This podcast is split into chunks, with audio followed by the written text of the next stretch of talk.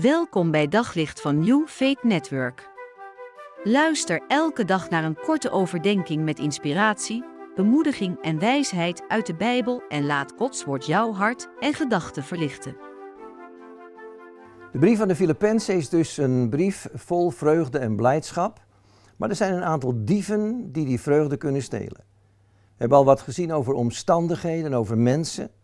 Maar in het derde hoofdstuk aan de Filippenzen schrijft Paulus ook dat bezittingen je vreugde kunnen roven.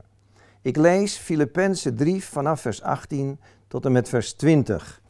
En daar staat: Ik heb u al vaak gezegd en zeg nu zelfs met tranen in mijn ogen: vele leven als vijand van het kruis van Christus. En gaan hun ondergang tegemoet. Hun God is hun buik, hun eer is schaamteloosheid en hun aandacht is alleen gericht op aardse zaken of bezittingen. Maar wij hebben ons burgerrecht in de hemel en vandaar verwachten wij onze redder, de Heere Jezus Christus. Voor veel mensen is vreugde gekoppeld aan hun bezit. En wat een ellende als je dan je bezittingen verliest. Zelfs Jezus heeft daar al over gesproken in Lucas 12. Hij zegt: Pas op, hoed je voor iedere vorm van hebzucht, want iemands leven hangt niet af van zijn bezittingen. Toch is het fijn om wat bezit te hebben. Je kunt wat royaler leven en het gaat misschien wat beter met je als je wat bezittingen hebt. Een aantal keren hebben christenen ontmoet die van mening waren dat engelen wel goede bewakers zouden zijn van hun bezittingen. En ze dachten, ik, ik vraag God om een engelenwacht neer te zetten bij mijn bezittingen. En tot hun stomme verbazing kwamen ze toch vaak tot de ontdekking dat het misging. En het komt simpelweg omdat engelen niet bedoeld zijn om je bezit te bewaken.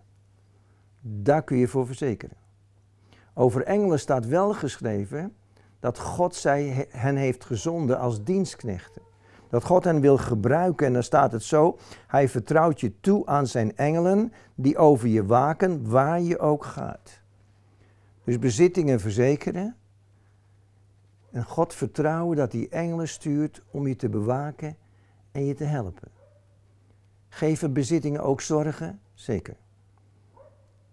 Mijn eerste autootje was een Volkswagen Kever.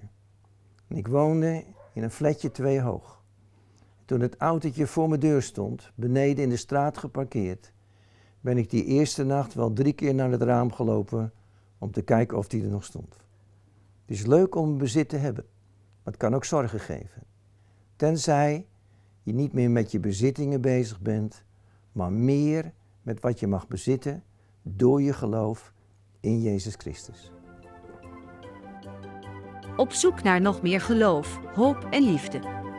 Op New Faith Network vind je honderden christelijke films, series en programma's.